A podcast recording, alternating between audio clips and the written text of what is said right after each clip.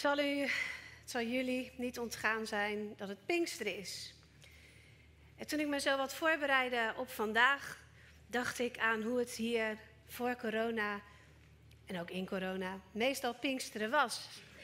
En als je hier dan stond of om je heen keek, dan was het over het algemeen een wat legere kerk. Omdat mensen een weekendje weg zijn, omdat er mensen naar opwekking zijn, omdat we best veel leiding meegeven uh, aan het kinderkamp. Dus ik dacht, ik sta voor, nou ja, toch heel wat minder mensen. Maar wij keken er net om en Tan en ik zeiden tegen elkaar, nou, dat valt best mee. Dus ik ben blij dat jullie hier allemaal vandaag zijn om de verjaardag van de kerk met elkaar te vieren. Want dat is wat het is vandaag. Nog niet zo heel lang geleden was het Pasen. Het moment dat we de opstanding van Jezus vierden. Dat was natuurlijk een, een, niet alleen een belangrijk moment, maar eigenlijk het belangrijkste moment voor de kerk. Zonder dat was er nooit een kerk geweest en, en zaten we hier niet, of in ieder geval niet met deze reden en op deze manier en in deze samenstelling. In de periode na Pasen, als we daarover lezen in de Bijbel, dan laat Jezus zich vervolgens een aantal keren zien in, in zijn verheerlijkte lichaam. Aan grote groepen mensen en aan kleine groepen mensen. Daarover lezen we in de Bijbel.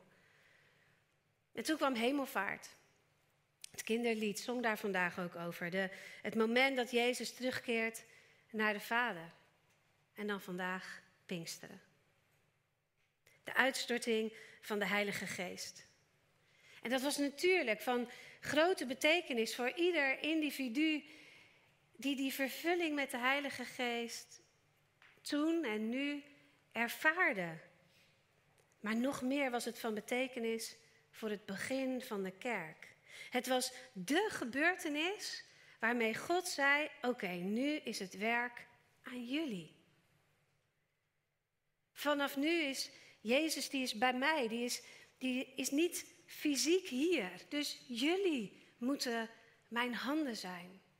Jullie moeten mijn voeten zijn, mijn ogen zijn in de wereld. Jullie hebben alles van hem geleerd en, en zijn gegroeid naar zijn evenbeeld. Althans, natuurlijk nog niet helemaal, maar goed op weg. Aan het groeien in Christus gelijkvormigheid, zeggen we hier dan. Nu moeten jullie doen wat hij deed en moeten jullie mijn koninkrijk verkondigen. Dat is de opdracht voor de kerk in, wereldwijd en dus ook voor ons als gemeente en dus ook voor jou.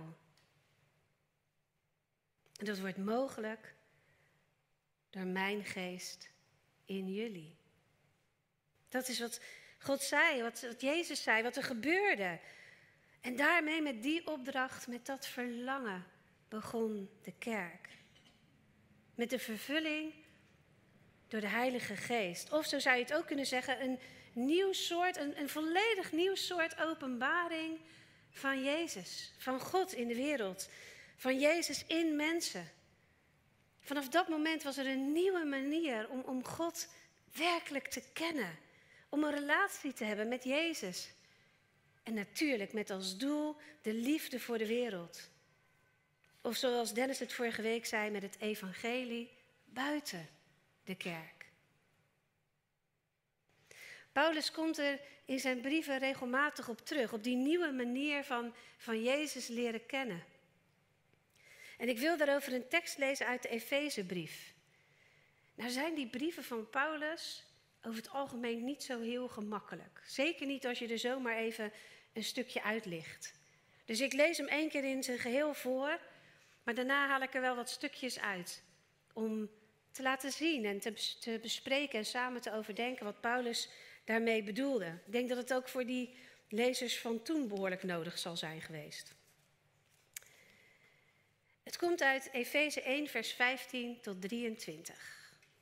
De andere kant helpt.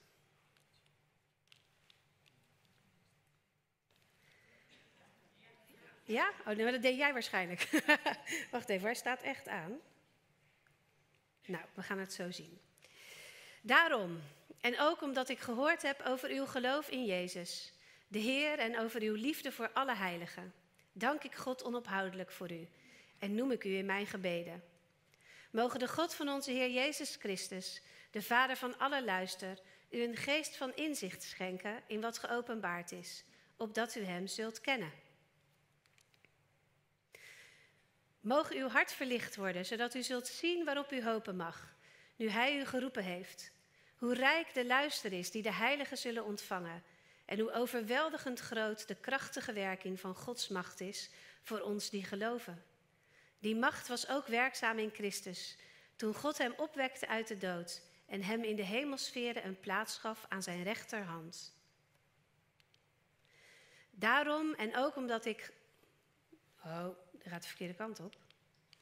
Hoog boven alle hemelse vorsten en heersers, alle machten en krachten en elke naam die genoemd wordt, niet alleen in deze wereld, maar ook in de toekomstige. Hij heeft alles aan zijn voeten gelegd en hem als hoofd over alles aangesteld. Voor de kerk, die zijn lichaam is. De volheid van hem die alles in alles vervult. Heb je het kunnen volgen? Als ik dat zo lees, vind ik het ook een tekst die niet te doen is. Maar het is zo rijk. Er staat zoveel in van belofte, van waarheid en, en van opdracht. Bemoediging ook. Dus ik neem jullie wat mee. Paulus spreekt in die brief aan de gemeente of gemeentes in Efeze, spreekt hij gewone, goede christelijke gemeentes aan. Misschien wel gewoon een gemeente zoals wij.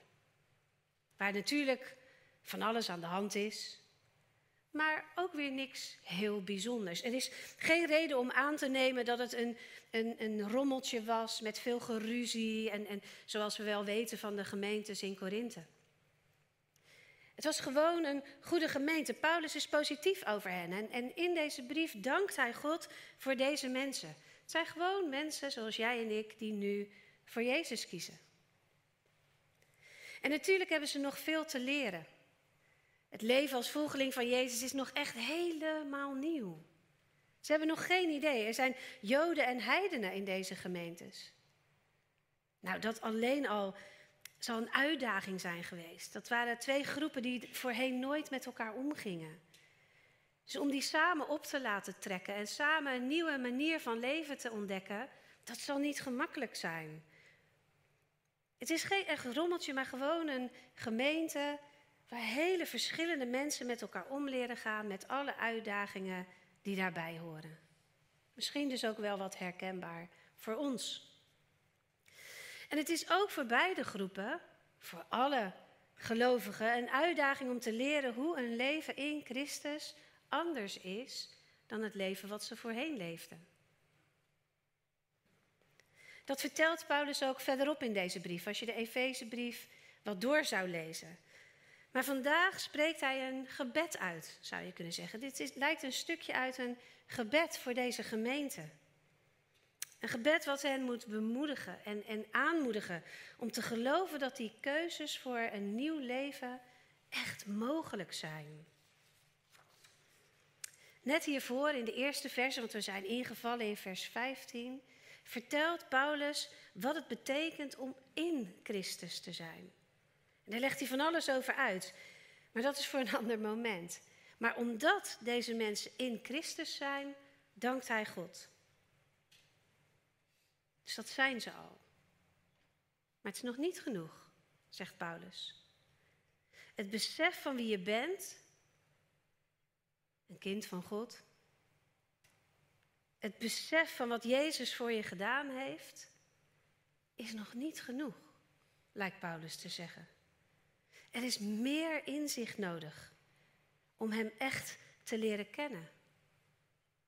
Daarom bidt Paulus dat. Mogen de God van onze Heer Jezus Christus, de Vader van alle luister, u een geest van inzicht schenken. In wat geopenbaard is, opdat u Hem zult kennen. Hè? Paulus leeft echt na, na Pinksteren, althans toen leefde die ook, maar de brieven zijn van een datum daarna. Geest van inzicht schenken opdat u Hem, Jezus, leert kennen. Maar de Heilige Geest is er toch al? Bedoelt hij dan wat anders? En, en ze kennen hem, Jezus, toch al? Het zijn toch al gelovige mensen waar Jezus tegen spreekt? Ja, dat klopt ook, zegt Paulus. Ook. Maar het is dus nog niet genoeg. Er is meer nodig. Ook zij, ook die mensen die zo dicht bij de bron leefden. Die Paulus misschien zelf wel ontmoet en, en gekend hebben en naar hem geluisterd hebben. Mensen die vaak net tot geloof waren gekomen, bij wie de passie fel brandde. Het vuur fel brandde. Juist ook hen bidt Paulus toe dat ze een nieuwe geest van inzicht krijgen, nieuw of opnieuw. Een nieuwe openbaring van wat al geopenbaard is. En dus als wij naar Paulus luisteren vandaag, dan zegt hij dat zeker ook tegen ons. Dat, dat kan niet anders. Wij, jullie en, en ook ik, hebben nieuwe inzichten nodig. Iets nieuws. Dat is wat we hopen dat de geest ons misschien wel vandaag in het bijzonder zal geven. Een nieuwe, frisse openbaring van wat toen al geopenbaard werd. Een openbaring van wie Jezus werkelijk is. In en voor jou. Wat Hij voor ons gedaan heeft en bovenal wat ons nu te doen staat. We hebben een nieuw inzicht nodig. Door God gegeven, door Zijn Heilige Geest, om de keuze voor de liefde steeds opnieuw te maken. En ik denk eerlijk gezegd ook dat het gebrek aan zulke nieuwe inzichten en nieuwe openbaringen in en voor ons een van de redenen is waarom kerken leeglopen. Of waarom mensen na corona het moeilijk vinden of zich niet gemotiveerd voelen om weer terug te komen. Waarom het moeilijk is om mensen naar ons toe te trekken. Het zijn nieuwe inzichten, nieuwe openbaringen die ons vuur aanwakkeren. Die maken dat we niet berusten in het gewone alledaagse gangetje. Ik hoorde eens een collega die zei: Als de kerk vol vuur is, trekt dat de verlorenen aan. Als wij vol vuur zijn, komen de mensen naar ons toe. En te vaak denken wij dat het andersom is, dat we de verlorenen naar binnen moeten trekken. Dat we ze blijvend moeten uitnodigen en dat dat misschien ons dan wel weer vurig zal maken. Maar zo werkt het niet. Meestal niet. We hebben zelf een nieuwe blik op Jezus nodig. Een nieuwe openbaring, een nieuwe ervaring van wie Hij is voor ons. Dan gaat het vuur weer branden en dan trekken we mensen aan. En natuurlijk, natuurlijk moet onze aandacht ook uitgaan naar de mensen die ons nodig hebben, zeker. Maar laat dat niet de focus wegnemen van ons eigen geloofsleven. Van het voeden van ons eigen vuur. Ons openstellen voor de geest. Ons laten voeden door Hem. Dus daarom bidt Paulus ons ook toe. Mogen uw hart verlicht worden, zodat u zult zien waarop u hopen mag, nu Hij u geroepen heeft. Hoe rijk de luister is die de heiligen zullen ontvangen en hoe overweldigend groot de krachtige werking van Gods macht is voor ons die geloven. Het is wel heel klein. Nou ja. Ik heb hem voorgelezen. Nou is het soms interessant om verschillende vertalingen van de Bijbel naast elkaar te leggen. Ik weet niet of je thuis één, of meer, één Bijbel hebt of meerdere, of je meerdere vertalingen hebt. Maar het is soms echt heel leuk om ja, vertalingen naast elkaar te leggen. Want je denkt misschien, er staat altijd hetzelfde, maar dat is niet zo. Dat is natuurlijk ook altijd zo'n bijzondere uitspraak als mensen zeggen: Ik geloof de Bijbel van kaft tot kaft. Want daar kunnen echt verschillen tussen zitten. En in grote lijnen niet, maak je geen zorgen. Het grote verhaal van God en mensen, van Jezus, blijft allemaal kloppen. Maar in de details staan soms dingen net wat anders. En hier is er zo eentje. Op zich voor de grote lijn niet belangrijk, maar toch leuk. De bovenste is de nieuwe Bijbelvertaling en de onderste is de herziene statenvertaling. En nu staat er um, in het eerste stuk, zodat u zult zien waarop u hopen mag nu hij u geroepen heeft. Maar in de herziene statenvertaling staat om te weten wat de hoop van zijn roeping is. Dus voor mij is het meest opvallende verschil u geroepen, zijn roeping. Dus gaat het nou om onze roeping of om de roeping van Jezus? Of is daar misschien minder verschil tussen dan we zouden denken? Hm. Misschien is het wel een verkeerde vraag om te vragen: gaat het nu om zijn roeping of de onze? Vertalers doen hun best en, en ja, willen aan de strekking van de tekst eigenlijk niks veranderen. Dus als het in twee vertalingen zo staat, zou je best voorzichtig ervan uit mogen gaan dat ze hetzelfde bedoelen. Dat zijn roeping ook onze roeping is. En waar gaat die roeping dan over? In ieder geval in beide vertalingen draait het om hoop. Zijn hoop en onze hoop. Dus daar wil ik me op concentreren vandaag. Die hadden we al gehad. Hoop, nou, nog een beetje donkerder te lezen. Om die hoop, daar gaat het om. De hoop van onze roeping en de hoop van zijn roeping. We weten allemaal dat Jezus een hele zware weg ging. Al tijdens zijn hele leven en bediening in het bijzonder, maar natuurlijk vooral in die laatste dagen voor zijn lijden. We zeggen dat hij het droeg uit liefde voor ons. En ik geloof natuurlijk met heel mijn hart dat dat zo is. Dat dat zo was. Dat de liefde, dat dat hetgeen was wat maakte dat hij het uit kon houden. Het kon verdragen en verduren. Maar de liefde staat niet alleen. Liefde hoort thuis in het drieluik van geloof, hoop en liefde. Dus ik geloof ook, en het kan toch ook niet anders, dat hij het droeg door zijn oog gericht te houden op het doel. Op de uiteindelijke belofte van God dat aan het eind van de tijd wij zijn bruid zullen zijn, om het in bijbelse termen te zeggen. Dat wat hij nu moest doorstaan deel was van het grote verlossingsplan van God.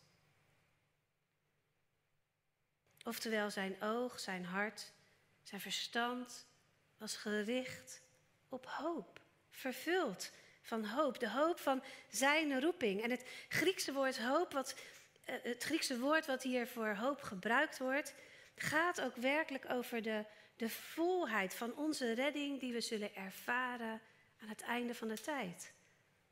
Als Jezus terugkomt.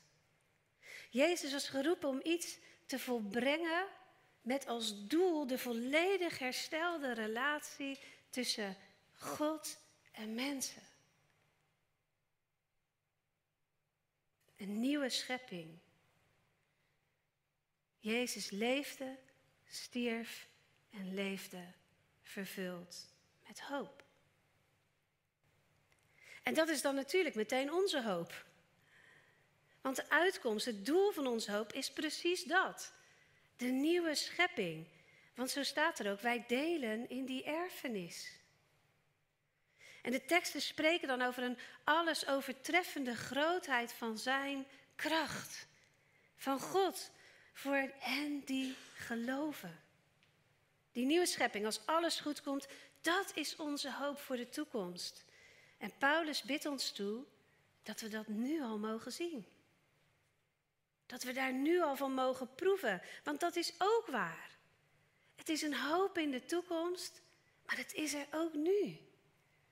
In de theologie noemen ze dat already not yet.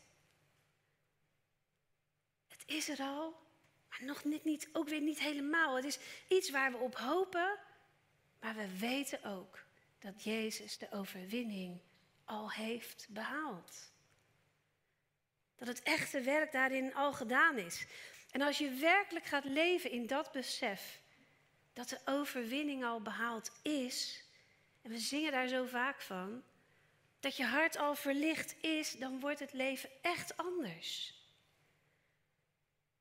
Maar we lijken dat soms te vaak te vergeten. Zijstapje. Heb je wel eens een wedstrijd? Voetbal als je van voetbal houdt, maar het mag ook iets anders zijn. Een sportwedstrijd, teruggekeken op een later tijdstip. Als de wedstrijd dus al voorbij was. Dus als de uitslag ook al bekend was. In deze tijd is dat misschien iets moeilijker met iPhones en mobieltjes en internet. En nou ja, soms kan het je haast niet ontgaan wat de uitslag is. Maar soms ook wel. En mijn vader had dat vroeger. Hij ging op zondagmiddag naar zijn eigen amateurclubje hier in Vlaardingen, de Hollandiaan voor de echte Vlaardingers. En dan speelden natuurlijk de betaalde clubs tegelijkertijd. En mijn vader was groot Feyenoord-fan. Maar die wedstrijden en de uitslagen daarvan hoorde je natuurlijk pas s'avonds in Studio Sport. Heilig programma in ons huis. Maar wee degene, wee degene, die hem voor die tijd de uitslag van de wedstrijd van Feyenoord vertelde. Dat vond hij niet grappig. Maar het gebeurde natuurlijk soms toch. En dan gebeurde er iets zo eigenaardigs. Daar snapte ik als kind echt helemaal niets van. Stel dat hij had gehoord dat Feyenoord gewonnen had. Jee. Niet voor mij, maar papa, hè? Jee, Feyenoord heeft gewonnen. Dan ging om acht uur die televisie aan. En dan kwam de samenvatting van Feyenoord. En stel nou dat de tegenpartij als eerste scoorde. Dan werd hij toch boos. Ja, niet woest of zo, hè? Maar, maar echt gefrustreerd. Nee! Dan? En is niet een eenmalige ervaring in mijn kindertijd, dit hoor. Hoe dan? Hij baalde van dat eerste doelpunt, maar hij wist toch al dat het goed zou komen? Hij wist toch dat ze gewonnen hadden? Het was alsof hij die uitkomst zomaar opeens kon vergeten. En ik denk dat wij zo vaak in het leven staan. Niet over Feyenoord natuurlijk. Maar er gebeuren zo vaak nare dingen in ons leven. En dan balen we. En dan zijn we boos of gefrustreerd. En daar is niks mis mee. Hè? Het zijn gewoon menselijke emoties. Maar we vergeten dat we de uitkomst al weten. We weten dat het einde van het verhaal al geschreven is. We vergeten onze hoop. Als de ogen van ons hart, ons verstand verlicht zijn met die wetenschap. Als we vervuld zijn met die hoop, dan kunnen we het lijden, de moeite, hier echt beter dragen. En ons de kracht van God beseffen in Christus. Want de tekst zegt dat wij delen in dat alles. Ook wij zijn die heiligen waar Paulus tegen spreekt. Zo zullen we ons niet snel noemen. Maar dat is wel hoe Paulus alle gelovigen aanspreekt. Als er dan staat dat ons hart verlicht mag worden om te weten wat de rijkdom is van de heerlijkheid van zijn erfenis in de heilige. Dan gaat het over onze erfenis als kinderen van God. Over God die zijn goedheid, zijn heerlijkheid met ons deelt. En misschien denk je dat een erfenis pas in de toekomst ligt, maar nee. We hoeven maar te denken aan het verhaal van de verloren zoon, die zijn erfenis bij leven al vraagt en krijgt. En die zin van Paulus vertelt me dat het krijgen van die erfenis, niet in het verhaal van de verloren zoon, al heerlijk is. Wij zijn rijk in Christus en delen in al het goede van God. Nu al, vandaag. En Paulus gaat nog eens door. Hij maakt het nog sterker. Ik lees het nog eens.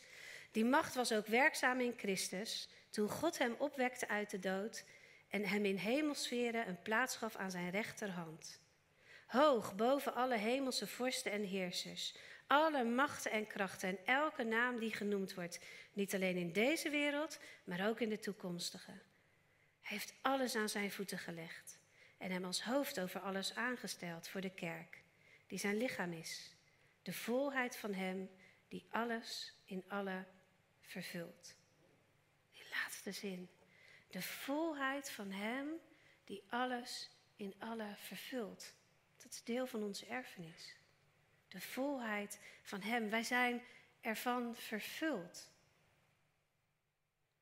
Als kerk, als heilige, als gelovigen. Vervuld van zijn geest, zijn kracht, als we het maar zouden voelen en weten en toe konden laten. Zouden geloven, echt geloven. Dus samen met Paulus wil ik bidden vandaag, maar eigenlijk elke dag. Dat we dit allemaal werkelijk opnieuw kunnen horen met onze oren en met ons hart. Laat jouw hart het werkelijk horen vandaag. Gods geest is echt aan het werk in jou. Hij is iets nieuws begonnen. Diezelfde macht, vind ik zo indrukwekkend. Diezelfde macht en kracht die een man opwekte uit de dood, die het onmogelijke voor elkaar kreeg. Diezelfde kracht die die Godmens liet leven voor alle tijden, die kracht leeft in jou. Kun je je daar iets bij voorstellen? Ik denk dat we in alle nederigheid nee willen schudden. Maar open je hart ertoe. Denk eens even aan al die moeites in je leven, de patronen die je maar niet kan doorbreken, de strijd die je maar niet lijkt te kunnen winnen, het kwaad wat je maar niet lijkt te kunnen vergeven. De obstakels op de weg en zet daar dan de kracht tegenover van iemand die iemand uit de dood kon opwekken. Hoe kun je nog verliezen? Hoe kan het je niet lukken als je in zijn kracht kunt staan? Ik bereidde deze week, of deze preek al een paar weken geleden voor. En deze zin is me zo bijgebleven in de afgelopen weken. Het is echt een fantastisch besef om mee te nemen in je dagen. Iedere keer dat het lastig is, iedere keer dat het moeilijk is, dat je denkt dat je iets niet kunt of niet aan kunt, om dan te denken, maar weet je, de kracht die een man kon opwekken uit de dood, woont in mij. Hoe gemakkelijker zullen de keuzes voor de liefde voor je worden.